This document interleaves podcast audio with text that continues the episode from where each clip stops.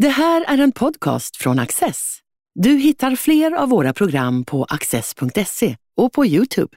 Mycket nöje!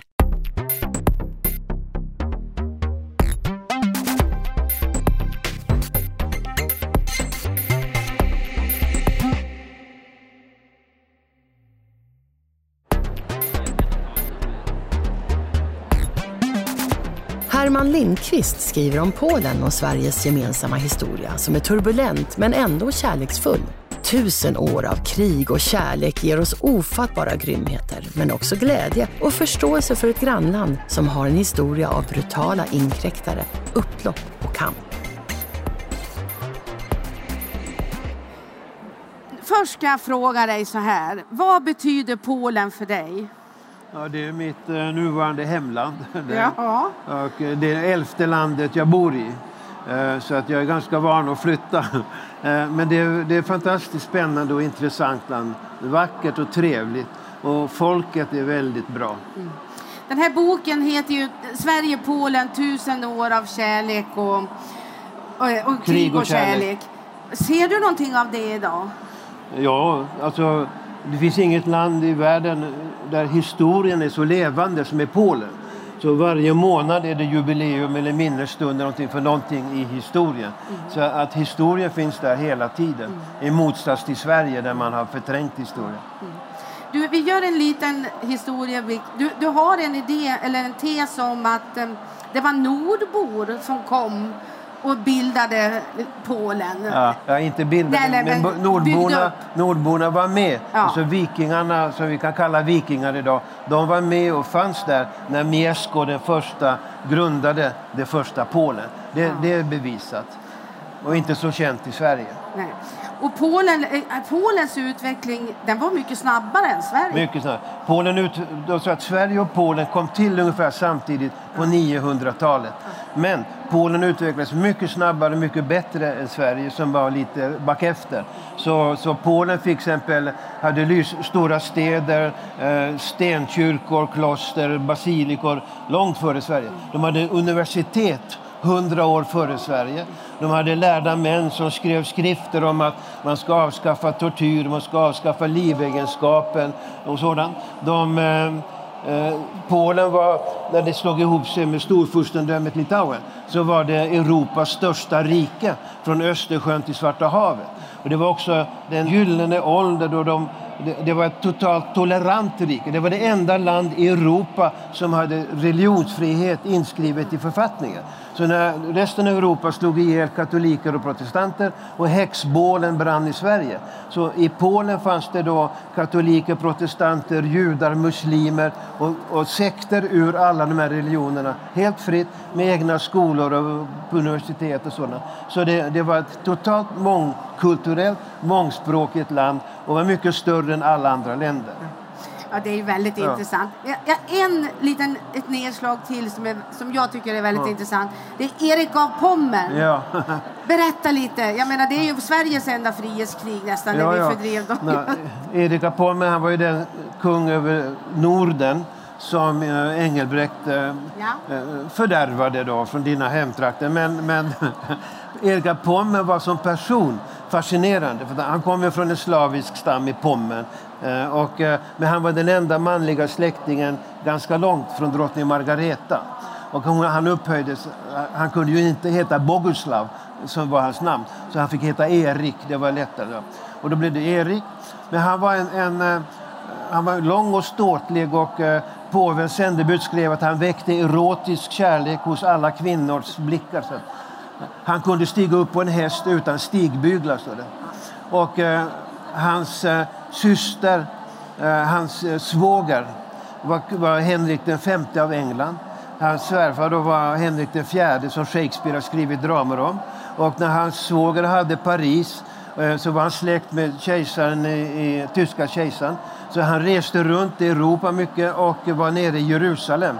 Och hans fru Filippa hon, från England, hon var helt lysande, intelligent, smart på alla sätt. Men tyvärr dog hon tidigt.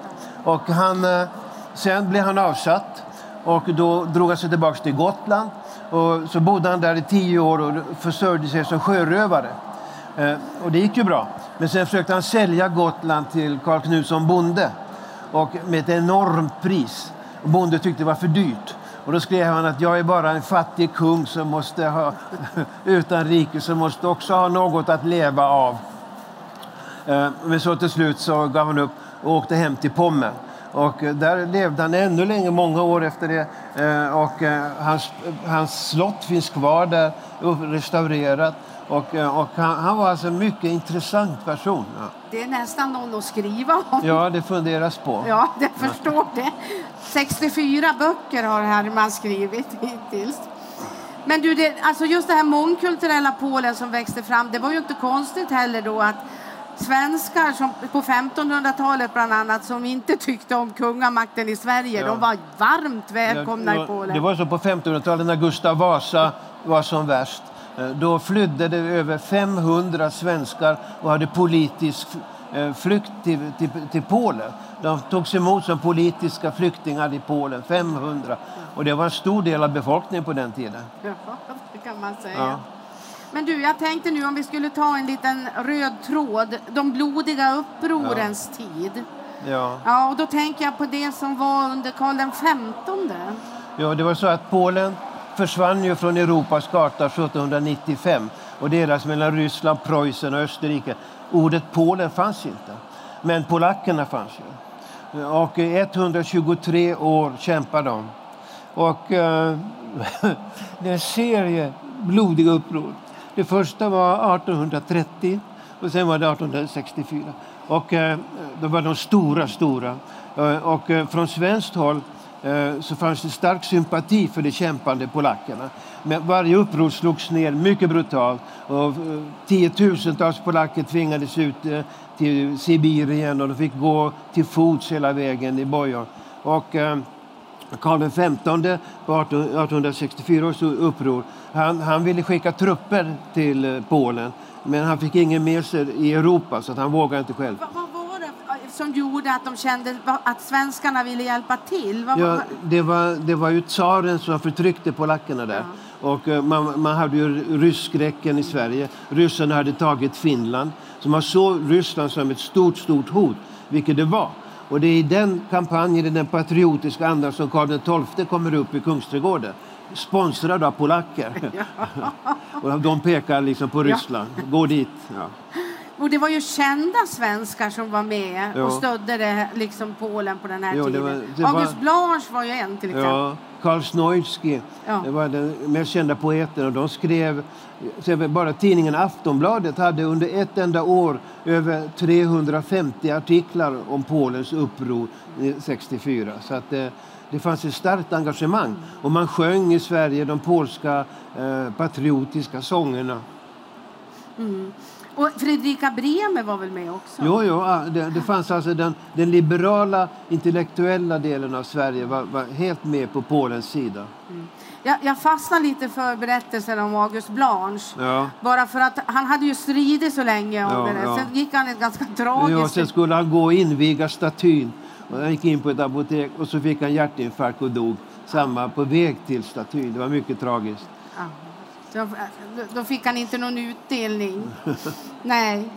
Men du, ska vi sen gå till upproren i Warszawa då, mm. som handlar om Hitler och andra världskriget och så? Jo, det var ju så att eh, Polen hade då en tradition under hela uh, egentligen sedan slutet på 1700-talet, det var det första upproret, så var det uppror hela tiden. Ja. Varje generation skulle göra uppror mot förtryckarna. Och eh, när Polen blev självständigt 1918 så hade de 20 år av självständighet. Och så kom andra världskriget då tyskarna ockuperade större delen av Polen på ena sidan och Sovjet på andra sidan, så det blev delat igen. Och eh, det blev uppror och motstånd och polackerna hade den största motståndsrörelsen i hela Europa. Och Polen var det enda land där de inte kunde få ihop en quislingregering. Alla andra regeringar fanns det, länder fanns det quislingregeringar. Så att förtrycket var oerhört starkt på, på, på, på tyskarna, på polackerna. Och hundra, flera hundratusen polacker flydde utomlands och gick in i de allierade. De var med vid alla stora slag i Europa. De var med från i Narvik, vid the Battle of Britain. De var med i Normandie. De, var med, de tog Monte Cassino och var i Libyens öknar. Och när kriget var slut och de hade kämpat för friheten så ger Churchill Polen till Sovjet. Ja, det är ju brutalt. Ja, ja. Så följde 40 år av, av kommunism ja. Men under om, motstånd. Ja, men jag tänker mer på då nazismens tid. Ja. Warszawa var ju då den stad i världen där det bodde flest judar. Ja, det ja. var 30 procent. Ja. Ja. Och, och, hela liksom hur, hur, hur man helt plötsligt bara en dag bestämde sig att nu skulle, nu skulle stan tömmas på judar. Ja. Kan du berätta ja, om det? Det var så att de här 20 åren av frihet eh, där Polen blommade upp som ett självständigt land, då var den judiska kulturen väldigt stark. Och de, de, var väldigt starka inom massmedia, teater, film, litteratur och poesi. Så, och all populärlitteratur och sånger sånt skrev, av, skrevs av judar för de flesta. Och, eh, så när, när eh, nazisterna kommer och de ska genomföra sitt eh, globala utrotning av den judiska rasen så börjar de självklart i Polen eftersom det var flest judar där. Och det där upprättas de första koncentrationslägren. Och och den enorma industriella massdöd som börjar där. Men också, då, också där var det, fanns det första motståndet. Polen var det enda land där, där det, tyskarna hade sån ockupation att den som på minsta sätt hjälpte en jude, om du gav en smörgås till en jude, så blev du avrättad direkt på gatan. Det var ingen domstol. Och inte bara du, utan din familj också. Kvinnor och barn allihopa. Ibland alla som bodde i samma hus. Så det, det, var alltså döds, verkligen farligt att hjälpa judar. Det var dödspatruller som gick ja, på gatorna? Ja. Och, och då, ändå så var det många tusen judar som hjälptes. Sen fanns det polacker som hjälpte tyskarna också. Det fanns i alla ockuperade länder. Men eh, eh många, många judar lyckades fly. Många hjälptes av polacker. Men tre miljoner polska judar försvann. Mm. Och, det här, och de pressade ihop dem eh, från olika håll i gettot i Warszawa. Och det blev helt olidliga förhållanden där. Helt makalöst olidliga förhållanden. Och då när de fick reda på att de här tågen som åkte iväg åkte inte till något arbetsläger utan åkte till utrotning. Så, tänkte, så, så beslöt sig gettots invånare för att de skulle inte bli bortförda utan motstånd. Så de organiserade ett uppror de fick lite hjälp från motståndsrörelsen, en del, och de gjorde resten själva och reste sig mot den tyska ockupationen. Också med hopp om att de skulle bli hjälpta på något vis. De blev inte särskilt mycket hjälpta. Det var ingen som hjälpte dem egentligen. Lite. Så kom den tyska Wehrmacht då med en enorm kraft och bara och platta ut hela gettot. Och ett år senare reser sig Warszawa. Det är ett nytt uppror. Kan vi inte bara berätta lite om de här äh, första? 18 000 kvinnor och män var det som, som försökte resa sig mot judarna, eller mot ja, Hitler. Då. Och de hade just inga vapen. De, hade, de liksom gav sina liv för ja. att liksom... De, de, visste ju att det här var sista striden, ja. men de skulle dö med vapen i hand. Och eh, det gjorde de. Och, eh, eh, det var alltså en otrolig brutalitet, men också en otrolig tapperhet. Eh, men eh, världen blundade. Ja, det, det, det är det ja. som är så hemskt. Och, eh, och det, det, måste varit hemskt för dem. Och det var lika illa sen för Warszawa när de gjorde uppror nästa år, året efteråt. Det kom inte heller någon hjälp. Därför då hade redan Normandie, eh, invasionen av Normandie inletts och de allierade var på väg och, eh, och eh, ryska armén var på väg västerut. Och då trodde Warszawa nu är det vår tur att resa oss så får vi hjälp. Och de kämpade i två månader. Ingen hjälp kom. Mycket, mycket symbolisk hjälp. Och eh, så kom Hitler in. Och Hitlers order var man får inte lämna sten på sten i Warszawa. Ingen av den, judiska, den polska rasen får överleva. Och så gick de pang, pang, pang. De tog hus efter hus, sprängde dem, sköt in med eldkastare in i skyddsrummen och bara De mejade ner Ja, allting. allt, allt. Flera hundratusen människor dog. Ja, jag såg en siffra på 200 000 Ja. människor som dog. För det var andra gången de gick från hus till hus. Ja. Jag fastnade vid några personer. Mm. Den här läkaren som hade flera barnhem. Det var vid första, Ja, liksom, Korsak. f- 42 40, Ja, blev ja. han. I augusti 42 Ja. blev... Han hade kanske 200 barn. Ja, Korsak, han, hade, han var en, en legendarisk pedagog. Han för, kom, skrev böcker om modern pedagogik som man idag tycker är moderna. Eh, och han samlade barnen och så fick han eh, chansen att, att eh, gå över på andra sidan och sätta sig i säkerhet. Men han vägrade, han tog sina barn med sig och, Ja. och var i gettot. Och en dag så kom de och hämtade dem alla och han gick med dem till gaskranarna. Ja, han gick in i döden med Ja. sina barn. Sen tänker jag också på Eberman. Ja. Är han mänsklig eller? Ja, jo.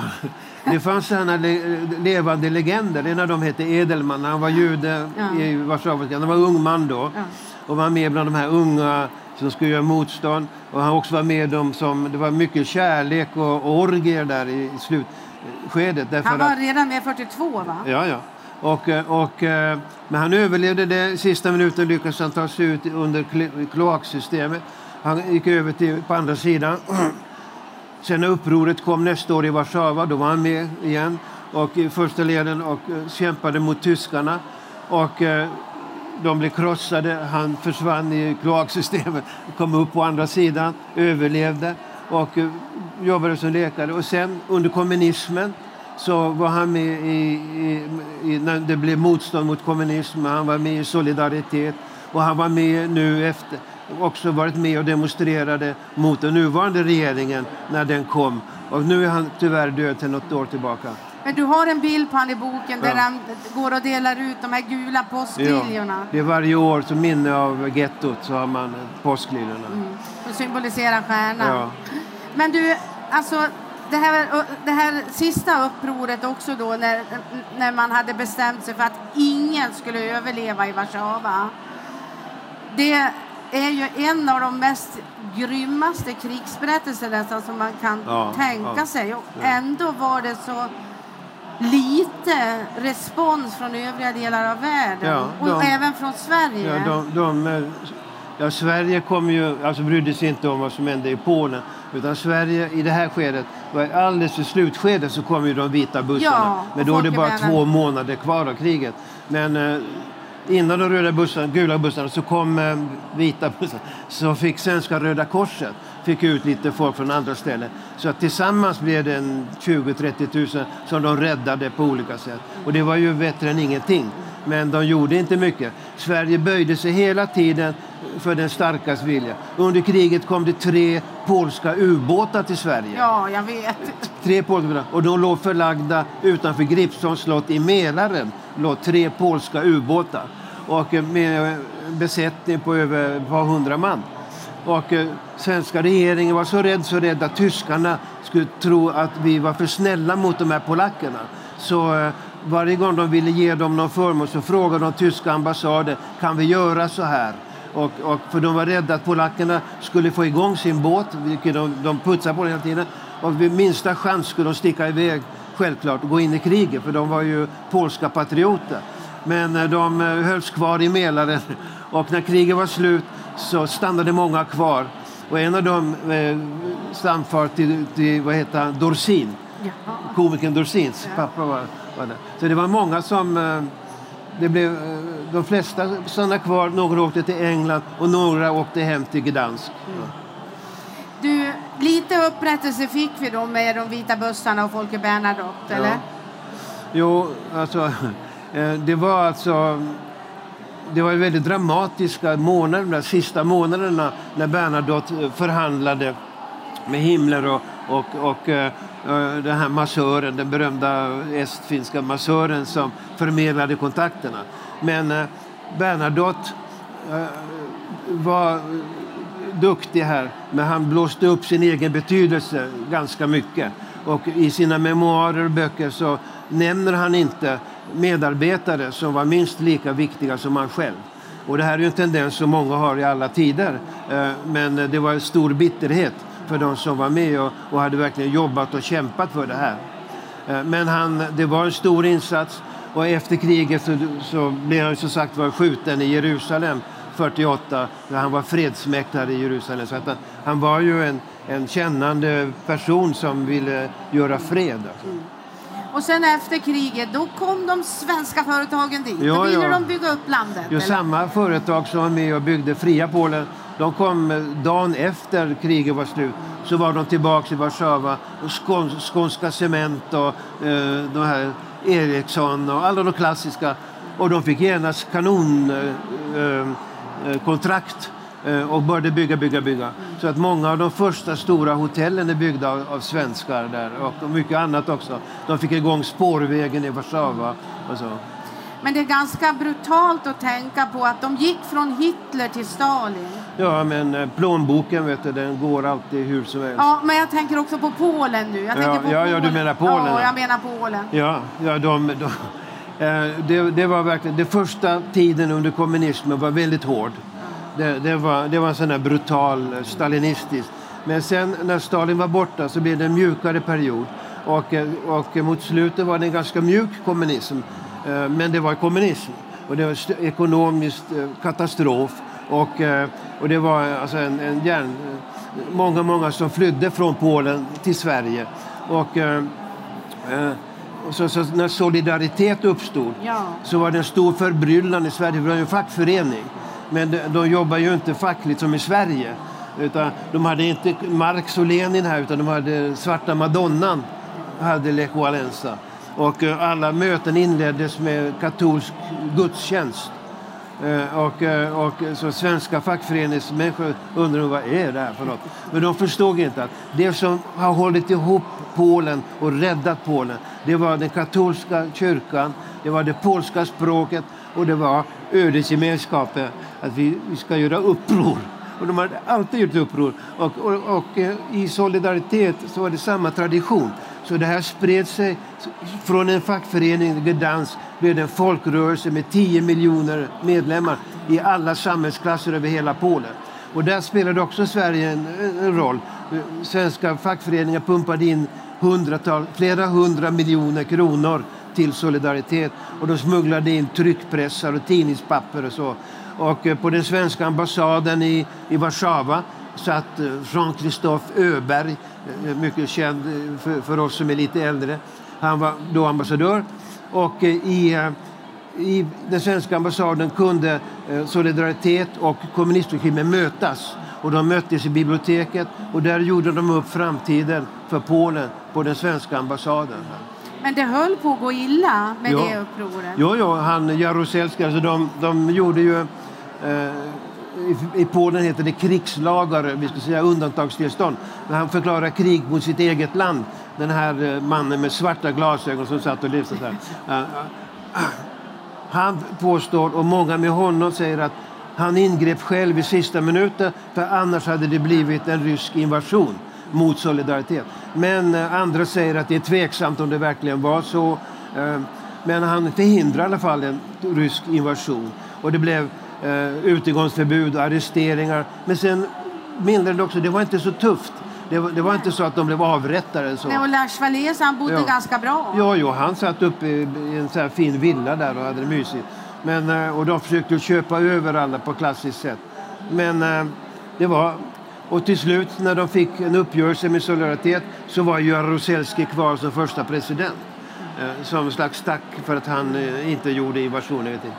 Men, eh, och det gör att idag i Polen så finns det alla läger kvar. I den politiska ledningen sitter de som idag är i regeringen, de var också med i Solidaritet på högersidan. Och i oppositionen var också med i Solidaritet, fast på lite vänster. Så att det är samma, samma människor. Mm. Det var, vi ska väl säga att det var Gorbatjov som räddade dem egentligen. Ja, det kan man med säga. öppenheten. Ja, ja. Men du, det är inte så svårt att förstå. Alltså, nu, har vi, nu har vi ju tagit de stora upproren. Men alltså, om man tittar på Polen idag. Nu, nu, nu är de, de gör uppror mot EU också. Ja, jo, men det är naturligt, naturligt. Därför att Polen har då alltid, gång på gång blivit ockuperat från olika håll. Och nu har de haft 30 år av frihet. Där de äntligen har frihet. Och då har de, liksom, de har slagit för sitt land, för sitt språk. Också oppositionen känner den här patriotisk känsla. Att vara patriot i Polen är mycket positivt. Det är inte som om du säger att du är svensk patriot så skickar de dig till Engelbrekt. Jag vet inte vad de gör. Men, men i, i Polen är det positivt laddat. Och då när det kommer direktiv från EU, från utlandet, från en union och säger vad de ska göra så påminner det lite om Sovjetunionen som, påminner, som säger de vad de ska göra. Så de, de slår bakut självklart och, och eh, vill liksom själva styra sitt öde. Och, och det gör att det blir koalition med EU. Och även fast det blir stora demokratiska ja. inskränkningar så ja. accepterar man det? Ja, men, men äh, om man läser Dagens Nyheter kan man få intrycket att Polen är förlorat. Men Polen är ej förlorat. Eh, det har de aldrig inte varit. Ännu, inte ännu. Och det finns fortfarande oppositionspartier, det finns oppositions-tv-kanal, det finns tidningar och tidskrifter och alla stora städer styrs av oppositionen fortfarande. Så, så att den, regeringen har infört en del tokiga reformer men det är inte förlorat. Men ännu. Och snart är det val till parlamentet, till Seimen och antagligen så kommer de få makt igen. Därför att de för en väldig politik som eh, vanliga fattiga människor uppskattar. De, de införde en mycket högt barnbidrag, tusen kronor i månaden, som inte fanns förut. Och för en fattig familj på landet var tusen kronor i handen mycket pengar. Och, eh, och nu ska de införa en trettonde pension, pensionsmånad och alla under 27 år ska vara skattefria. Och det här, för vanliga fattiga människor är det här bevis för att den här regeringen vill arbeta för folket. I motsats till tidigare regering, de gjorde inte så.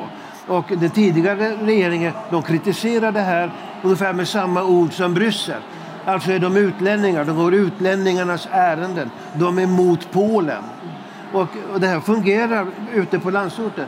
De, de, de tror på det. De, det. det. låter som att de är emot Polen, fast de är 100 procent polacker. Det, det, är väldigt sorgligt, men det är väldigt hård kamp. Och den här debatten den pågår varje dag, är det, konfrontationer. Men du, Sverige då? Du, du säger minnet av historien och hjältekungar skrattar när jag läste det. Det är lite bakelse, ja. det är konditorinäringen ja, ja, och några enstaka fanatiska historiker som håller det levande på något sätt. Men i Polen är det en helt annan sak. Ja. Vi, vi, Sverige är fredsskadat. Ja. Vi har haft fred för länge. Men polackerna vet att, att man får inte sitt land gratis av Gud utan man måste kämpa, kämpa, kämpa. Och vet vad jag tänker på absolut? Jag kommer ju från det brandhärjade området ja. också. Ja. Jag tänker på de polska brandmännen ja. som blev hjältar i Sverige. Där folk stod efter vägarna och applåderade. Men de är med i boken. De är med i boken, jag vet det. Va, vad säger det dig? När Polen kom till Sverige som hjältar. Jag tror att polackerna med stolthet gjorde detta. Och kände att en gång kunde de hjälpa Sverige. Och jag tror att alla, och alla polacker i Sverige var väldigt stolta för det. Ja. För att för en gångs skull skrev svenska tidningar något positivt om polacker. Det gjorde de verkligen. Tusen tack Herman Lindqvist. Tack så du ha. Du har just lyssnat på en podcast från Access. Du vet väl att vi också är en tv-kanal och tidning? Teckna en prenumeration idag på access.se.